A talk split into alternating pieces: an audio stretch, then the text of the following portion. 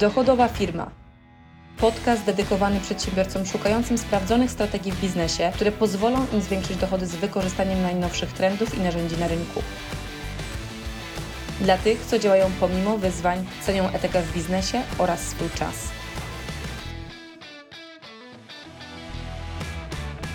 Nikt nie jest w stanie sprzedać tak samo dużo jak Ty Twoich specjalistycznych usług, ponieważ brakuje mu specjalistycznej wiedzy, którą Ty posiadasz. W momencie, kiedy startowałam z jednym z moich pierwszych biznesów, to był biznes właśnie usługowy i też byłam w takim momencie, w którym sama tak naprawdę przynosiłam największą sprzedaż do firmy. Nawet kiedy zrekrutowałam sprzedawców, to czułam, że ich skuteczność jest średnio trzykrotnie mniejsza niż moja.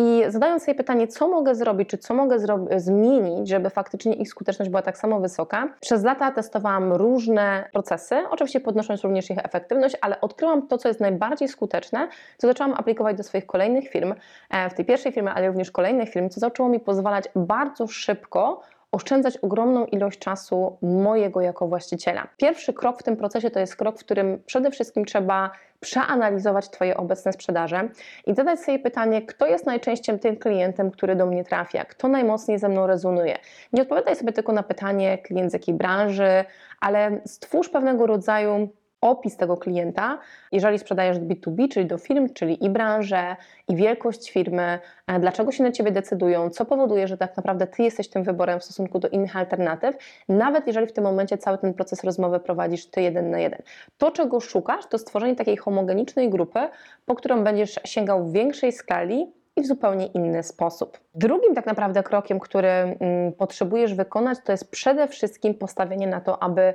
bardzo mocno skrócić cały czas sprzedaży. Zadaj sobie pytanie i sprawdź, ile dzisiaj musisz średnio razy porozmawiać z klientem, żeby klient finalnie od Ciebie kupił. Ile zazwyczaj taka rozmowa trwa? Ile sumarycznie kosztuje Cię, bo czas też Cię kosztuje, zgodzisz się ze mną? Więc ile realnie kosztuje Cię czas, który poświęcasz na domknięcie takiej transakcji? I kolejne pytanie, które bym sobie zadała, ile sumarycznie trwa w czasie, czyli od na przykład 5 kwietnia do niech to będzie, nie wiem, któryś lipca czy sierpnia, zanim transakcja się zamyka, czyli bardzo długi proces. Najczęściej widoczny w momencie, kiedy ta usługa faktycznie jest droga, bo nie mówimy o usługach, które kosztują 100 czy 200 zł, ale jeżeli usługa faktycznie wymaga już inwestycji na poziomie kilku do kilkunastu, kilkudziesięciu tysięcy, a może nawet kilkuset tysięcy, no to już jest moment, w którym faktycznie klient dłużej się zastanawia, szczególnie jeżeli wcześniej Ciebie nie znał i w jakiś sposób na siebie trafiliście.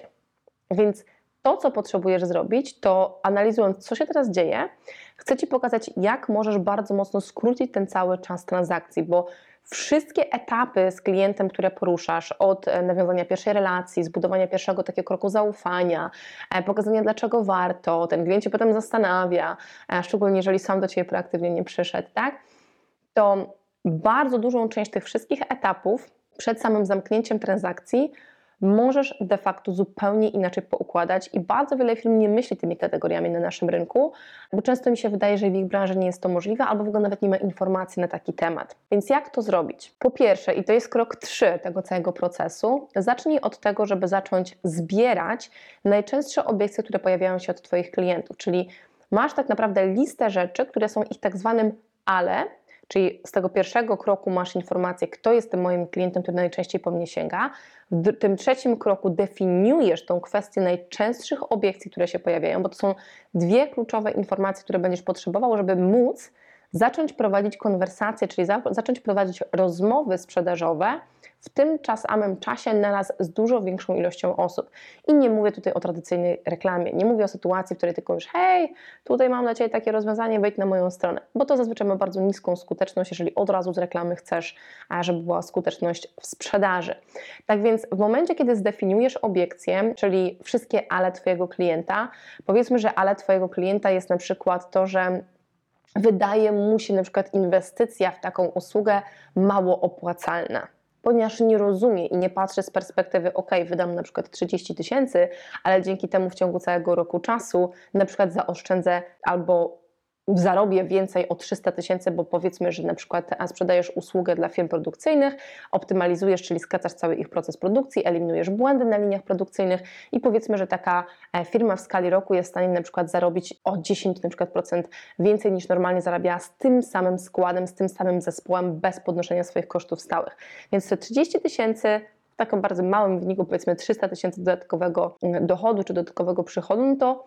jakby nie patrzeć, jest to de facto 1 do 10, tak? Więc e, jest to opłacalna inwestycja. I często Twój klient może tego nie widzieć, nie rozumieć jeszcze, dlatego wydaje mi się, że ta inwestycja jest duża, bo za szybko zaczęliście rozmawiać o pieniądzach, bo nie ma zbudowanej jeszcze wartości. Więc to jest na przykład jedno z ale, które może się pojawiać w trakcie rozmowy, jeżeli ta rozmowa sprzedażowa też jest prowadzona w sposób po prostu nieadekwatny. I powiedzmy, że to jest jedno z ale, więc tyle, ile tych ale się pojawia w tych rozmowach, listujesz de facto, żeby mieć je zebrane i zaczynasz je układać w to od ile, ile jest tych najczęstszych, które się najczęściej pojawiają w rozmowach, a jakie są te, które się coraz rzadziej pojawiają, czyli klasyfikujesz je według a, poziomu ważności. Znajomość Twojej grupy docelowej, znajomość Twojego najczęściej kupującego Cię klienta, znajomość najczęściej występujących u nich obiekcji, dodając do tego jeszcze to, co powoduje, dlaczego kupują, czyli tak zwana tak zwana argumentacja sprzedażowa, czyli te korzyści, które ten klient ma, one tak naprawdę potrafią i dadzą Ci możliwość zaprojektowania, i tutaj przechodzimy do kroku numer cztery, procesu, w którym zaczynasz wykorzystywać jeden z formatów sprzedaży, jeden do wielu. I teraz pewnie sobie myślisz, no dobra, Basia, wszystko fajnie, ale jeżeli ja sprzedaję droższą ofertę, to ja i tak z tym klientem potrzebuję e, porozmawiać indywidualnie, bo on raczej nie kupi, jeżeli nie będzie indywidualnej rozmowy. Zgoda. Ja się w pełni z tym zgadzam. Jednak to, co możesz zrobić, to jeżeli na przykład sumarycznie wszystkie Twoje te rozmowy trwały powiedzmy 4 godziny i Ty jesteś w stanie w półtorej godziny na przykład a, albo w kilka godzin mieć rozmowę na raz ze stoma, stoma czy stoma, stoma chyba po polsku, nie? Czy e, dwustoma osobami, które są idealną reprezentacją Twojej em, grupy docelowej, Twojej e, tak zwanej persony sprzedażowej. Jeżeli na przykład 70% tego czasu, który normalnie był poświęcany na rozmowę jeden na jeden, poświęcisz na przeprowadzenie albo warsztatu e, grupowego, też może być online, albo formy szkolenia, albo formy takiego krótkiego czy bądź dłuższego e, szkolenia, bo są różne formaty do różnych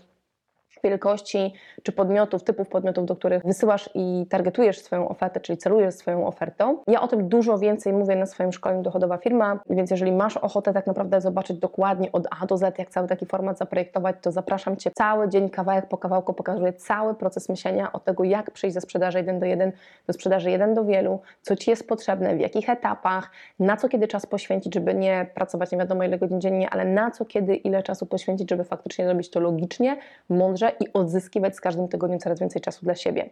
Bo jak wdrożysz ten format sprzedaży jeden do wielu, to nagle się okaże, że wcale te rozmowy nie będą długie, zbudujesz tak naprawdę świadomość tego, dlaczego te osoby powinny sięgnąć po Twoje rozwiązanie, nawiążesz z nimi relacje, bo robisz to na żywo, robisz to w interakcji tak naprawdę z tymi osobami i wówczas dochodzisz do piątego kroku tego całego procesu, a mianowicie domykania. I teraz domykanie tego całej transakcji, które normalnie było etapem wszystkich tych interakcji, jeden na jeden w procesie rozmowy sprzedażowej, którą prowadziłeś na przykład w 10 rozmowach sumarycznie, przykładowo, tak, bo to pewnie zależy od typu klienta. Natomiast zamiast tego wyobraź sobie, że większość transakcji mógłbyś zamknąć w jednej, może maksymalnie dwóch rozmowach i to zdalnych, bez konieczności widzenia się, dlatego że większość tej pracy, większość tego wysiłku sprzedażowego została zrobiona w formacie, w którym naraz uczestniczyło x potencjalnych Twoich klientów. I powiem Wam, że fenomen tego rozwiązania jest taki, że ty cały czas tak naprawdę stawiasz na to, że ten twój know-how jest widoczny,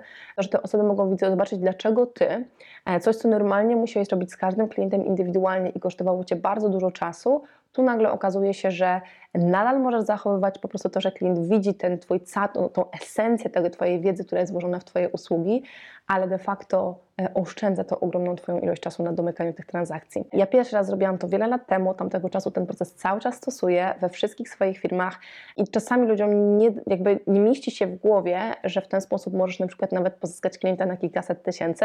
Ja to robię w jednej z moich spółek, w spółce nieruchomościowej, gdzie zbieramy kapitał z rynku na na przykład większe inwestycje, gdzie nie tylko inwestujemy swój kapitał, ale również kapitał na przykład właśnie osób, które chcą poinwestować po kilkaset tysięcy, a nawet i więcej.